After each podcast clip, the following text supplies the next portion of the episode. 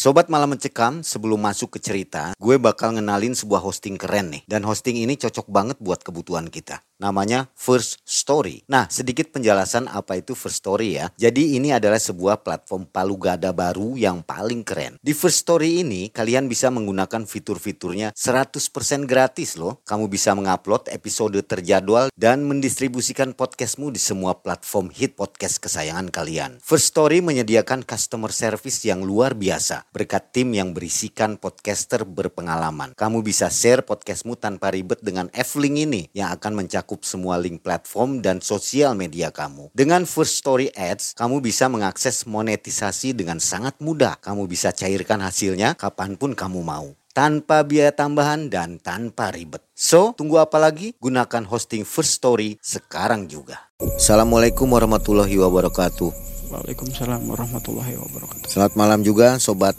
Malam Mencekam. Apa kabar Anda hari ini? Seperti biasanya sebelum tidur Anda harus menonton kisah nyata ini. Dari Mang Ei dan tim, malam ini menghadirkan seorang narasumber yang sudah tidak asing lagi. Namanya Mas Hendrik ya. Mas Hendrik sudah beberapa kali berkisah di Malam Mencekam, bahkan sudah masuk ke TV nasional semua ya. Dari Malam Mencekam tentunya. Dari malam mencekam. Baik, sobat MM, ini kisah tahun 2014. Iya. Ketika itu Mas Hendrik dan karyawan, teman-teman karyawannya ingin melakukan tur ke daerah Jawa Tengah. Betul ya? Gathering tepatnya. Gathering ke daerah Jawa Tengah. daerah Jawa Tengah. Nah, itu akan ditumbalkan. Jadi karyawannya itu akan ditumbalkan, akan menjadi tumbal gitu. Iya. Untungnya gagal ya. Untungnya gagal, Mang. Gimana perasaan waktu tahu mau ditumbalkan itu? Ya perasaannya ya drop udah Kaget ya begitu kaget. tahu ya. Udah drop kaget aja udah. Udah begitu ada yang kasih tahu seperti ini seperti ini. Ya udah nggak ada ekspresi, Iya, iya, pucat ya. udah pucat aja pucat. Untung selamat ya. Tentu Iya. saja atas pertolongan Allah. Betul ya, gitu ya. Nah, sobat MM semoga semua dalam keadaan sehat walafiat dan dijauhkan dari segala gangguan dan dilimpahkan rezeki ya oleh Allah Subhanahu wa taala. Kita akan segera mendengarkan kisah dari Mas Hendrik. Ini kalau bisa dibilang adalah pesugihan Jaran Panoleh. Iya. Betul ya Mas Hendrik? ya? Betul. Kita dengarkan kisahnya. Silakan.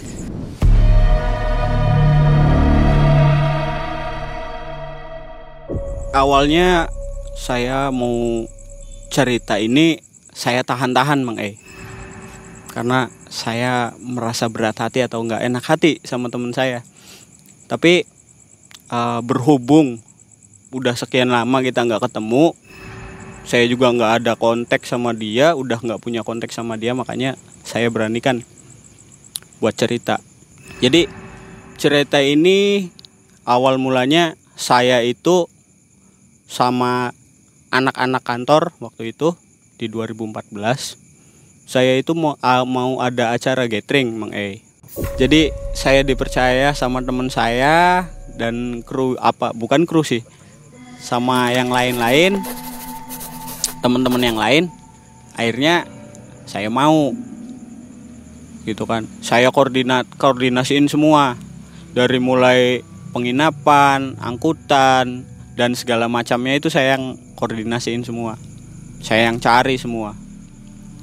Eh, singkat cerita hari untuk gathering hari H gathering itu udah mau deket saya belum dapat angkutan.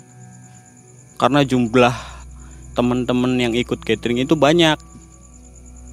Saya kan senggangganya harus siapin eh, mobil yang lebih besar gitu. Muat sampai kira-kira ya 8 sampai 10 orang lah. Yang jelas sih yang nggak duduknya nggak yang nggak dempet dempetan yang nggak tekuk tekukan kakinya kan pegel capek emang iya.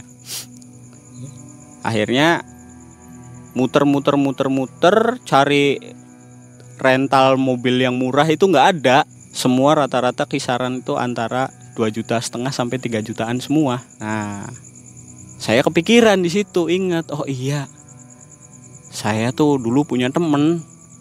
Ya bukan ini sih temen bukan temen dekat. Cuma ya sering ketemu sering ngobrol tadinya gitu. Temen main. Dan kontaknya pun masih ada pula waktu itu. Saya inget di situ akhirnya dicari-cari oh iya kontaknya masih ada saya telepon. Saya samarin aja namanya. Ya kita sebut aja dia Ajat. Ngobrol loh kita panjang lebar.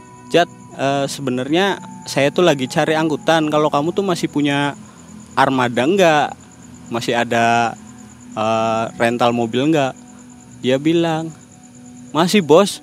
Mau butuh berapa mobil? Kata dia kan. Harganya gimana? Udah harga si cincai harga temen aja. Pikir saya kan ah ya gas lah gitu kan. Harga temen lumayan bisa buat uh, bekal nanti di sana gitu kan. Ya udah deal jadiin buat tanggal sekian. Ya udah butuhnya apa? Ya kalau bisa sih uh, minibus yang agak panjang gitu yang AC-nya dingin mobilnya juga nggak nggak reot-reot amat gitu. Tenang aja mobil saya baru semua kok santai gitu kan. Oke deal uh, saya dapet tuh dari si Ajat. Dapat sama dia itu dikasih harga satu juta lima ratus udah sama supir. Oke. Siap.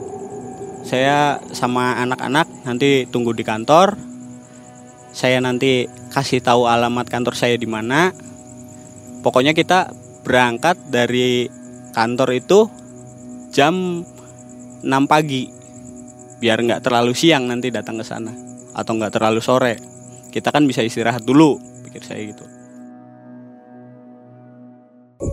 sampai pada waktunya sampai pada waktu hari hanya berangkat teman-teman semua udah pada siap udah pada prepare semua angkutan datang.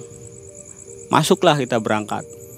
Sampai perjalanan ya kita biasa-biasa aja awal perjalanan sih nggak ada masalah apa-apa gitu kan. Nggak ada yang dirasa pikiran negatif atau apa gitu kan. Ada yang main HP ada yang uh, tidur di jalan itu. Ada yang ngobrol sama sebelah kursi sebelah gitu kan penumpang apa namanya teman kita juga gitu kan. Bahas masalah catering kebenaran waktu itu saya itu duduk di depan samping supir. Sampailah waktu itu di daerah Alas Roban. Kalau nggak salah ya seingat saya Alas Roban. Kok ngerasa aneh ya temen saya yang di belakang itu bilang, Drik, alas roban sekarang banyak kuda ya. Banyak kuda. Setahu saya alas roban itu nggak ada kuda.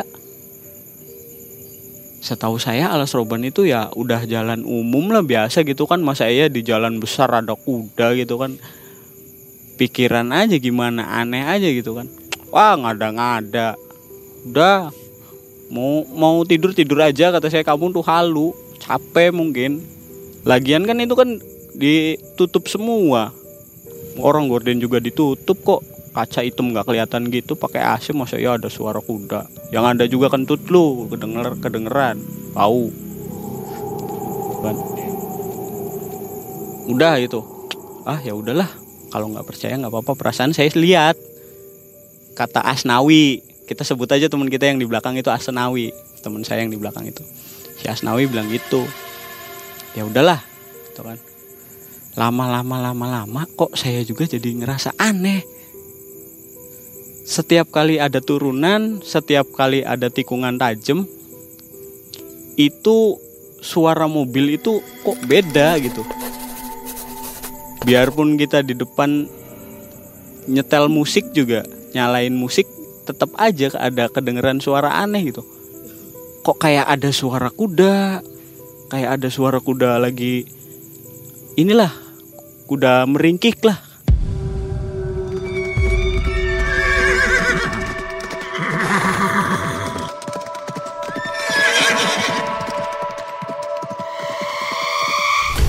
Kuda ya kayak gitu pokoknya kuda meringkik kayak gitu.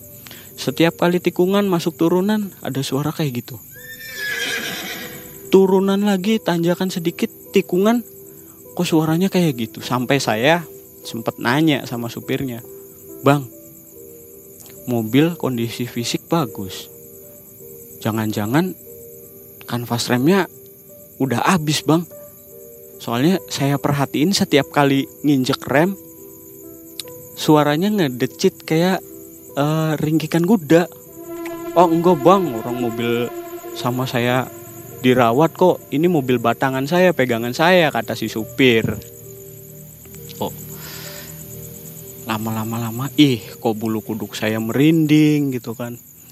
Kayak seolah mau ada kejadian gitu. Cuma udahlah.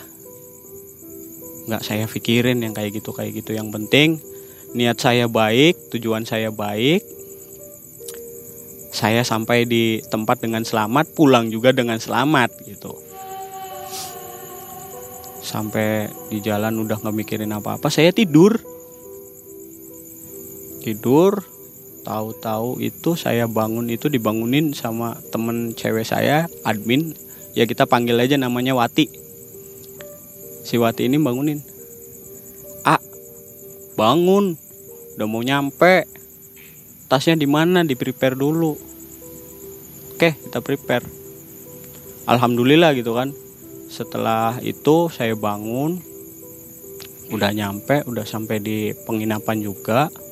Jadi kita itu nyampe setengah satu waktu itu. Siap-siap makan apa segala macem. Saya waktu itu ngambil kunci juga dulu ke resepsionisnya.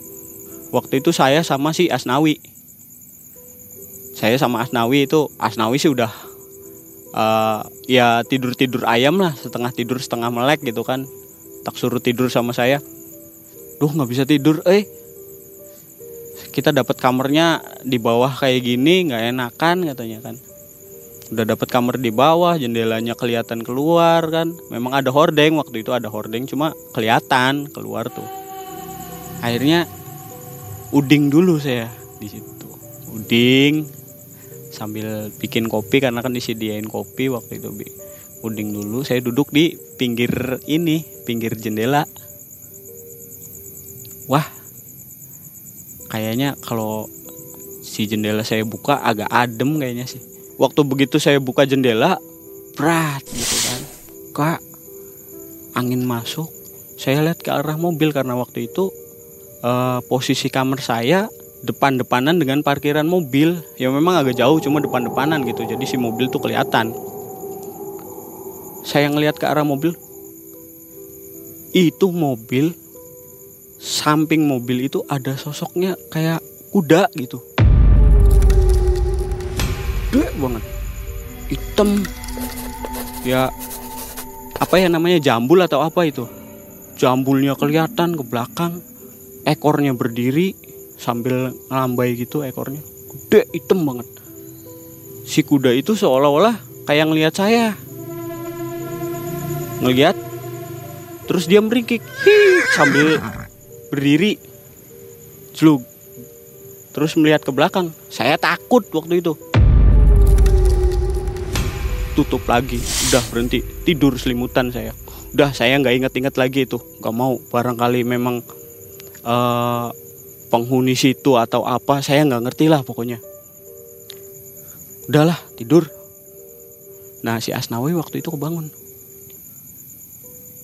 Aneh ya kok kamar kayaknya pengap gini nggak enak banget. Dibuka aja sih. Jangan. Jangan dibuka. Udah jangan dibuka pokoknya. Banyak nyamuk udah nggak enak. Banyak nyamuk. Masa iya hotel ada nyamuk? Nggak mungkin kata dia kan gitu. Banyak banyak nyamuk. Saya juga udah buka. Udah buka jendela tadinya biar angin masuk. Enggak nggak ada. Asnawi kekeh. Buka pintu tuh dibuka sedikit begitu dia buka langsung tutup lagi sama dia. Brak! eh kamu gila baik. Dia kan biasa kalau manggil saya wa. Edan wa saya lihat di luar dekat mobil. Udah gede banget. Hmm, berarti bukan cuma saya yang lihat. Dua orang berarti. Cuma saya nggak ngomong. Saya nggak ngomong waktu itu pernah udah lihat duluan udah udah udah tidur. Si Asnawi ini memang ya dia tuh anaknya anak punya kelebihan. Dia tuh bisa merasakan dan melihat sosok-sosok yang dianggap tabu lah yang kata orang mistis gaib. Dia itu jagonya ngelihat. Ya bukan jagonya bisa dia merasakan. Di kantor juga dia seperti itu. Kadang-kadang kalau lagi istirahat nongkrong di warung dia bilang wah wah ini nggak bener ini warung pesugihan lah dia bilang kayak gitu. Kadang-kadang kalau lagi tempat kerja di ruangan meeting kita kan suka istirahat di situ kadang-kadang di ruangan meeting. Dia bilangnya ruangan meeting dihuninya sama makhluk-makhluk kayak gini. Makhluk nggak ada kepala lah makhluk nggak ada apa namanya mukanya rata lah. Gitu kan dia tuh sering banget cerita kayak gitu saya nggak mau lah udah udah kita di tempat orang pikir saya. Udah nggak usah bahas yang seperti ituan. Makanya saya udah wih tidur tidur tidur. Percuma udah malam udah tidur. Besok pagi bangun siap-siap gathering selesai gathering pulang ke rumah. Saya capek kata saya kan gitu. Tidurlah kita. Begitu pagi adan subuh saya bangun. Ngelupain kejadian semalam karena ngerasa takut juga. Yang biasanya saya nggak suka bangun subuh saya bangun subuh. Sholat subuh waktu itu tuh. Saya bangunin Asnawi nggak bangun bangunnya udahlah biarin aja. Nanti juga bentar lagi juga dia bangun. Bener kan dia bangun? Dia cerita lagi. Setelah dia bangun tuh dia cerita tentang sosok makhluk yang dia lihat waktu itu udah kamu halusinasi aja kali itu nggak usah dibawa-bawa lah nanti yang lain takut kata saya kan. Setelah selesai persiapan kita udah sarapan udah apa udah rapi lah pokoknya udah siap. Kita ke ruangan meeting waktu itu kita gathering di situ. Jadi sampai di acara itu gathering itu ada rangkaian kan biasa tuh ada rangkaian acara tuh dari mulai uh, sambutan segala macem lah gitu kan. Dan kebetulan waktu itu acaranya tuh ada penceramah di situ. Ya senggangannya sedikit banyaknya ya saya tahu lah. Dia setelah acara waktu itu uh, setengah hari kalau nggak salah. Sampai setengah hari selesai duhur udah kan bubar tuh jam makan siang. Kita waktu itu makan siang terus sholat duhur bareng. Selesai sholat duhur kita kan beres-beres juga. Karena jam 5 sore kita harus udah check out dari penginapan waktu itu. Kenapa kita bisa check out jam 5 karena memang uh, si owner ini dia sengaja ngelebihin jamnya gitu. Dia minta ngelebihin jamnya sama saya karena saya yang waktu itu koordinatorin acara tersebut. Nah sebelum kita check out waktu itu ada asar kalau nggak salah atau sebelum asar saya lupa tepat jamnya. Saya nih ngobrol sama si pencerama ini. Kebetulan juga dia tuh e, praktisi. Praktisi atau apa ya? Dia punya kelebihan juga kayak si Asnawi gitu. Cuma dia levelnya lebih tinggi. Bisa dibilang ya praktisi lah gitu. Kita anggap aja praktisi. Sebut aja lah namanya Pak Aib. Nah Pak Aib ini dia memang orangnya e, kebatinannya kuat mungkin karena dia penceramah dan juga praktisi dia nyamperin ke saya. Mas uh, mas Hendrik uh, ngerasa ada sesuatu hal yang ganjil nggak sih? Selama perjalanan dari Cirebon datang ke sini itu ada perjalanan apa ada perasaan ganjil nggak? Kata dia. Aduh perasaan ganjil? Kalau perasaan ganjil sih ada pak. Cuma saya nggak terlalu vulgar sampai menjelaskan segala macem gitu kan. Kebetulan Pak Aib ini dia ngobrolnya cuma dengan saya waktu itu nggak dengan yang lain. Gini mas. Kalau saya tuh seolah-olah ngelihat uh, kendaraan yang akan ditumpangi pulang mobil itu tuh kayak ada hal yang aneh gitu. Boleh nggak mas? Kalau saya coba teliti dulu.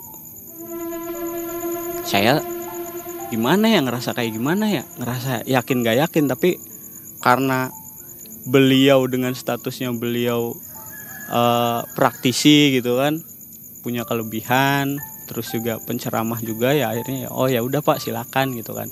Sama dia dicek lah akhirnya waktu itu. Dicek semua dari mulai buka pintu mobil apa kaca sampai lihat-lihat ke kolong akhirnya di situ ada satu yang sama dia memang bener-bener ngerasa janggal tuh satu sama dia tuh. Di situ Pak Aib ini nunjukin mas ini logo bukan sembarang logo. Ini logo tuh logo untuk semacam pesugihan. Awas lo hati-hati. Itu jenis logonya kuda gambar kuda cuma posisinya kudanya kuda menoleh ke belakang gitu.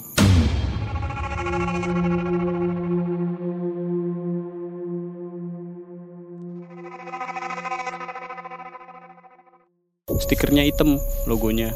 Stiker terus ditutup varnish jadi si logo kan dia nggak bisa eh, nggak uh, bisa dilepas waktu itu.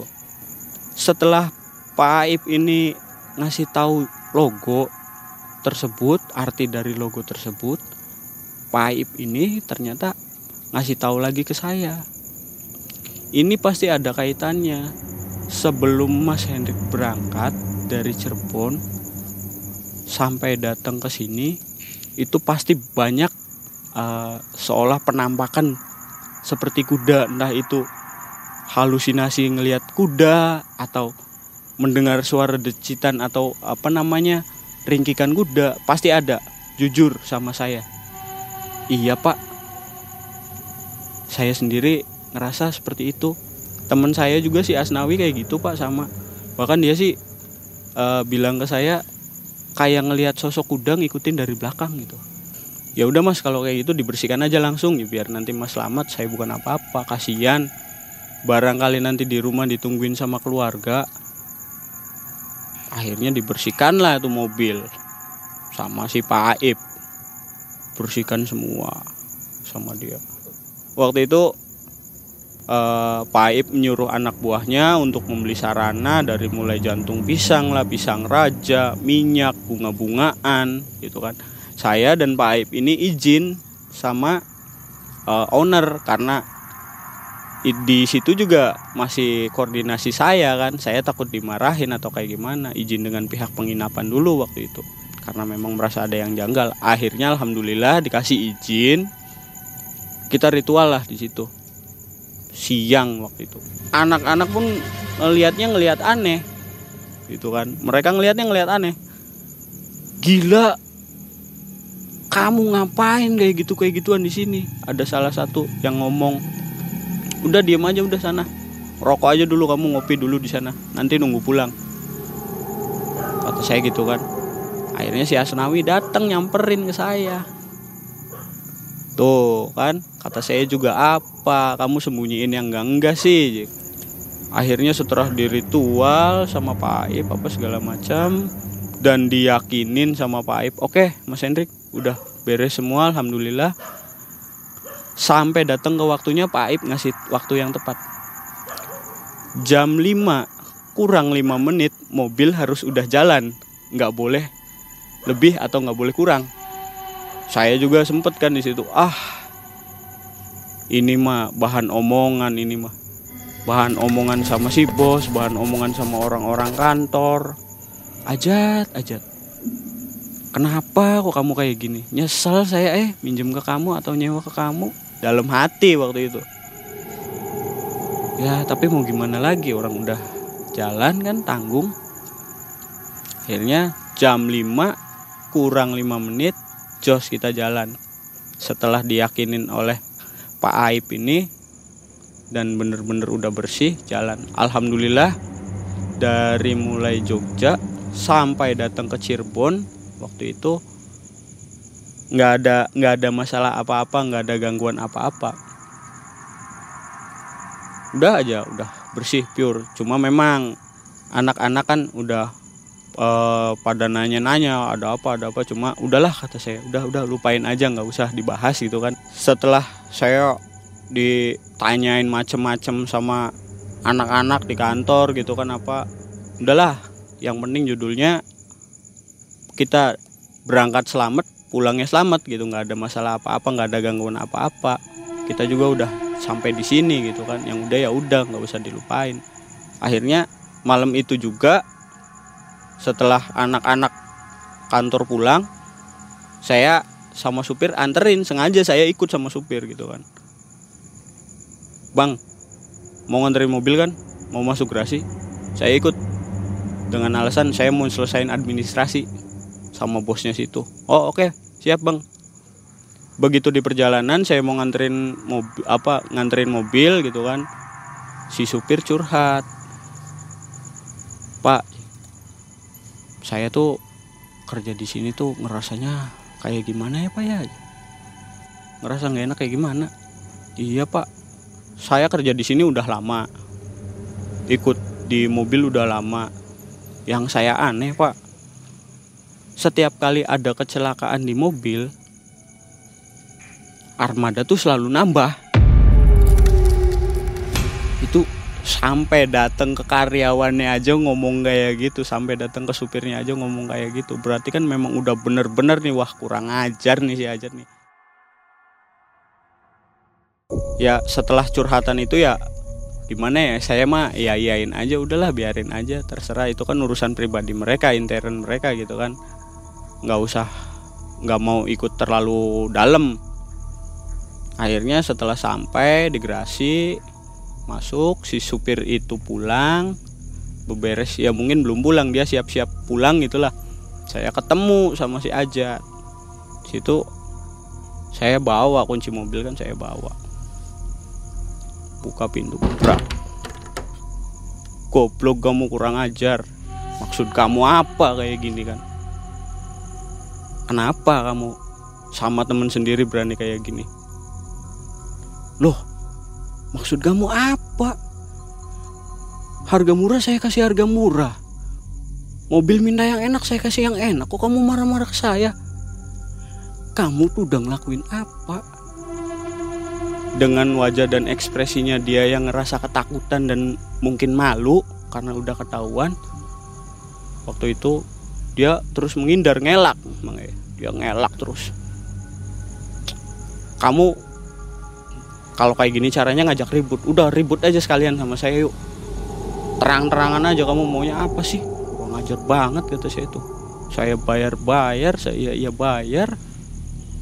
Kok kasihnya yang kayak gini? Malah mau dijadiin tumbal lah apa segala. Kamu kurang kaya kurang kaya apa lagi? Kata saya itu saya berani ngomong kayak gini karena kamu tuh temen saya. Wah wah udah wah nanti dulu. Saya jelasin wah karena terus sama saya desak sama saya marah-marahin nih si Ajat nih akhirnya dia cerita. Dia mau. Kamu tahu sendiri kan Wak? Dulu waktu zaman saya merintis mobil masih satu.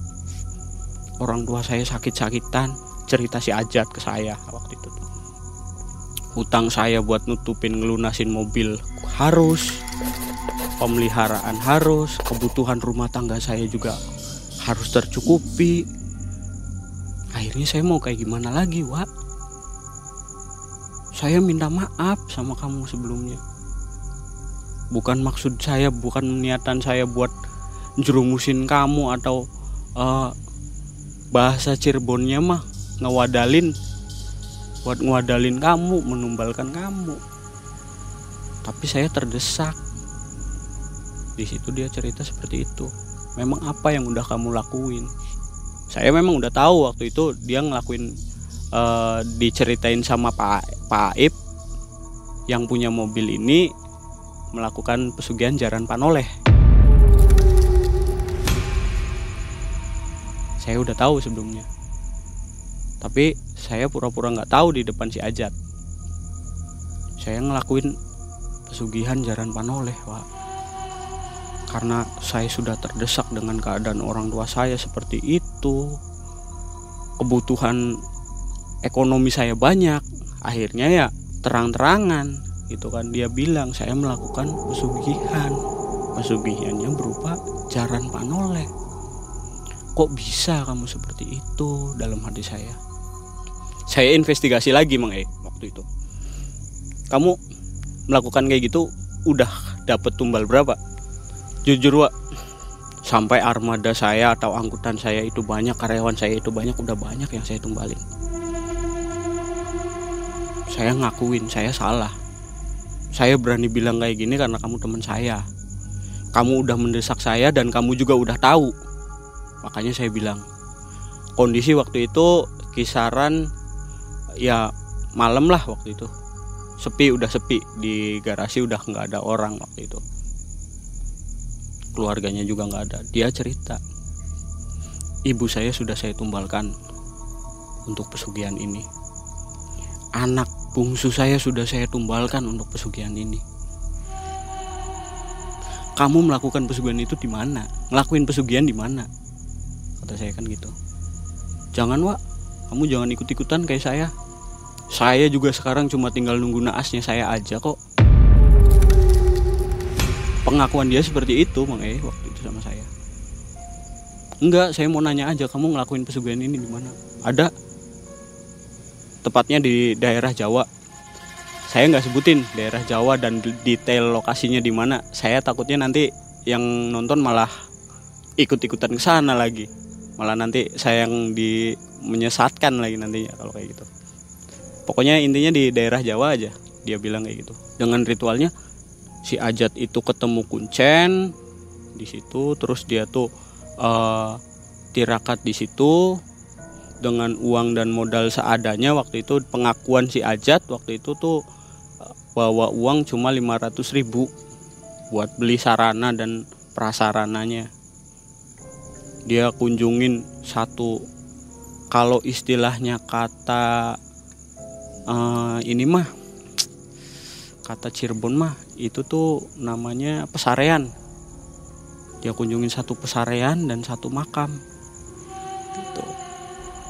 satu pesarian dan satu makam. Dia puasa di situ, dia tirakat di situ dengan sesajen yang berupa harus ada pisang raja dan jantung pisang. Itu harus inti sesajen itu. Kalau seumpamanya nggak ada, ya gagal. Pengakuan si Ajat tersebut seperti itu. Saya nggak tega, Mang Eh yang tadinya saya marah-marah sama dia saya nggak tega kamu ini orang tuh ya bukannya mensyukurin apa yang udah ada bukannya memperbaiki diri malah nambah masalah kata saya kamu dengan cara seperti ini kamu tuh nambah masalah tahu nggak? Aduh ampun kata saya.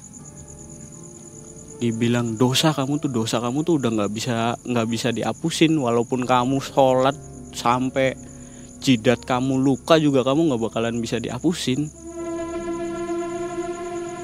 Udah jangan bilang-bilang lagi sama orang. Masa bodoh yang penting saya selamat kata saya tuh nggak nggak mau saya nggak bakalan nggak bakalan ngeributin masalah ini saya cuma klarifikasi kenapa kamu mau seperti itu dan kenapa kamu bisa larinya ke saya saya melakukan seperti itu tua bukan mau saya bukan kehendak sebenarnya saya saya nggak mau teman saya sendiri dikorbanin, keluarga saya sendiri dikorbanin. Si makhluk tersebutlah yang milih. Si makhluk tersebut yang minta.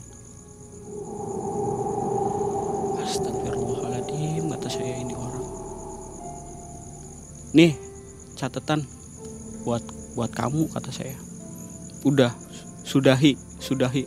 Udah kepalang, Wak. Udah kepalang tanggung, Wak daripada saya cuci muka saya mandi nyemplung sekalian kata dia saya udah dosa sekalian saya dosa pengakuan dia saya udah ah udah nggak kenal agama sekarang saya karena saya ngerasa udah dosa dunia saya sekarang seperti ini saya nikmati. Saya sekarang tinggal nunggu naasnya saya saya sekarang tinggal nunggu ajalnya saya.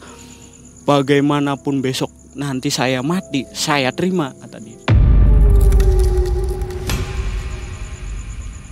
Ya udahlah kalau itu saya udah ngomong seperti ini terserah kamu kamu mau dengar atau enggak. Selesai itu saya pulang.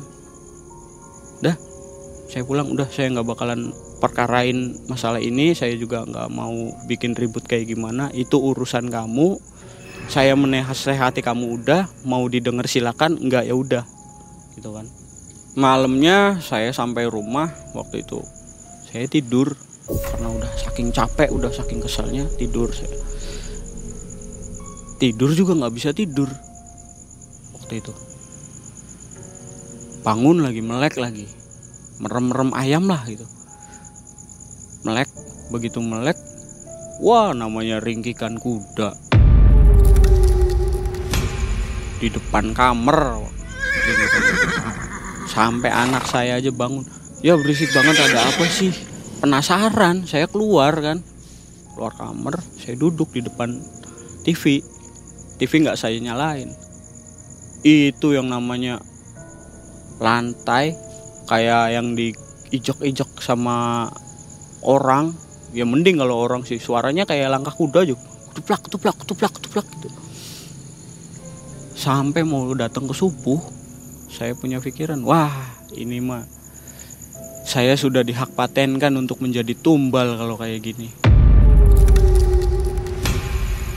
Nggak bener ini. Harus kayak gimana? Masalah yang satu belum selesai datang lagi masalah baru double kill bener-bener gilaan kayak gitu. Ini lagi udahlah. Gak tak pikirin dulu nanti dulu. Mandi sarapan pamit sama keluarga berangkat kerja kantor. Ketemu sama si Asnawi kan pagi di kantor. Wi tadi malam kita dapat gangguan kayak gini kayak gini lagi wi. Dari mulai ringkikan kuda apa segala macem. Nih kalau firasat saya sih wa ya kamu nih udah dijadiin hak paten buat tumbal wa aduh ya jangan kayak gitu. Kamu punya kenalan nggak? Jujur saya nggak ngerti dengan masalah seperti ituan. Cara mengatasi dan cara menindaklanjutinya nggak ngerti saya. Udah sama yang kemarin saya urusan santet yang saya ceritakan sama kamu sekarang ditambah lagi dengan urusan yang seperti ini. Waduh ya repot ya. Udahlah untuk masalah si kuda ini kamu yang ngerjain lah kata saya kan. Saya titip amanah aja. Enggak wak. Udah ikut aja dulu sebentar. Ikutlah gitu kan. Saya sama si Asnawi dikenalin sama uh, guru spiritualnya Asnawi ini. Uh, Mas Hendrik nanti saya coba bersihkan tapi dengan catatan. Barangkali memang nanti tumbalnya berpindah sama yang punya hajat bukan salah saya ya. Dalam hati saya ya memang bukan salah saya karena dia yang beli ya dia yang make bukan saya gitu kan. Dikerjain lah. Dan akhirnya sampai sekarang saya nggak dengar dengar kabar lagi. Saya tanya ke Asnawi pun wi uh, ada kabar enggak dari gurunya kamu kalau guru saya bilang sih pak udahlah aja udah clear semua udah nggak ada masalah tinggal kamu fokusin ke urusan kamu aja. Sampai sekarang juga nggak tahu nasibnya kayak gimana. Belum pernah ketemu lagi saya nggak pernah kontak dia lagi dan segala macemnya. Barangkali sekarang dia udah tobat ya nggak tahu. Barangkali seperti yang tadi dia bilang sudah ketemu hari naasnya dia yang nggak tahu. Tapi yang jelas saya itu nggak pernah nama namanya denger lagi uh, usaha rentalnya dia gitu brand rentalnya dia saya udah nggak pernah denger lagi ciri-ciri orang yang memakai pesugihan Jaran Panoleh apa yang paling kelihatan? Ya, kalau yang seperti tadi Pak Aib bilang, ciri-ciri pesugihan Jalan Panoleh itu terletaknya di bidang transportasi, Mang E. Harus transportasi. Harus transportasi, roda empat lah. Entah itu minibus atau apa. Seperti itu. Dan ciri fisik khususnya, tapi ini nggak semua ya. Ini yang saya alamin aja gitu, yang saya tahu aja setiap armada itu pasti punya logo logo kuda yang kakinya ngangkat nggak berdiri kakinya ngangkat sambil menoleh ke belakang itu harus itu harus harus ada di setiap armada nggak semua bidang transportasi yang pakai gambar itu punya nanti Ferrari juga marah kalau kayak gitu ya tuh kira-kira di zaman sekarang ini masih ada orang yang memakai itu pesugihan itu? Wallahu alam mang eh. Belum pernah lihat lagi. Saya belum pernah lihat lagi, belum tahu lagi. Yang penting sudah terbebas, terhindar Yang penting ya. Sudah terbebas dan sudah pernah tahu merasakan Bagaimana kalau Ajat mendengar atau menonton video ini? Saya harap sih ya sudahilah karena memang merugikan banyak orang. Bukan cuma badan sendiri, tapi banyak orang. Terbuka hatinya, terketuk hatinya, kembali ke imannya dia lagi, perbaiki diri dia lagi. Ya. Dan yang jelas pemutusan hubungan perjanjian seperti ini nggak mudah ya? Nggak mudah. Ya. Apa kira-kira yang harus dilakukan oleh kita nih kalau memang tiba-tiba nggak tahu naik ke transportasi yang memakai pesugihan itu? Apa? Protek kita. Kalau saya cuma saran satu. Kita walaupun berbeda agama tetap punya Tuhan. Intinya mah jangan lupa lah. Mau segala sesuatu apa pun ya kita doa, panjatkan doa. Ya, karena sudah ada doanya ya. Karena memang sudah ada doanya. Insya Allah terhindar dari masalah Iya. ini dan jangan lupa selalu berdoa. Kalau kita ini kan kalau lagi sibuk atau lagi senang lupa, Lupa. ya. pengen cepet nyampe atau apa. Baiklah, sobat MM, kisah yang sangat menarik dan memberi tambahan informasi kembali untuk kita semua ya dari pesugihan-pesugihan yang sudah ada. Ini pesugihan yang pertama ada di Malam Mencekam, Jaran Panoleh. Dan ini kisah dari Mas Hendrik ini tentu saja bukan maksud menjelek-jelekan transportasi ya. Dan sebenarnya sebuah kisah yang dialami oleh Mas Hendrik dan perjalanan hidup ya. Mm-mm. Jadi Mas Hendrik dengan senang hati membagikan kepada kita semua agar kita terhindar, begitu ya. Iya, Mang E. Baiklah, terima kasih Mas Hendrik. Iya. Mang Ei dan tim undur diri. Assalamualaikum warahmatullahi wabarakatuh. Waalaikumsalam warahmatullahi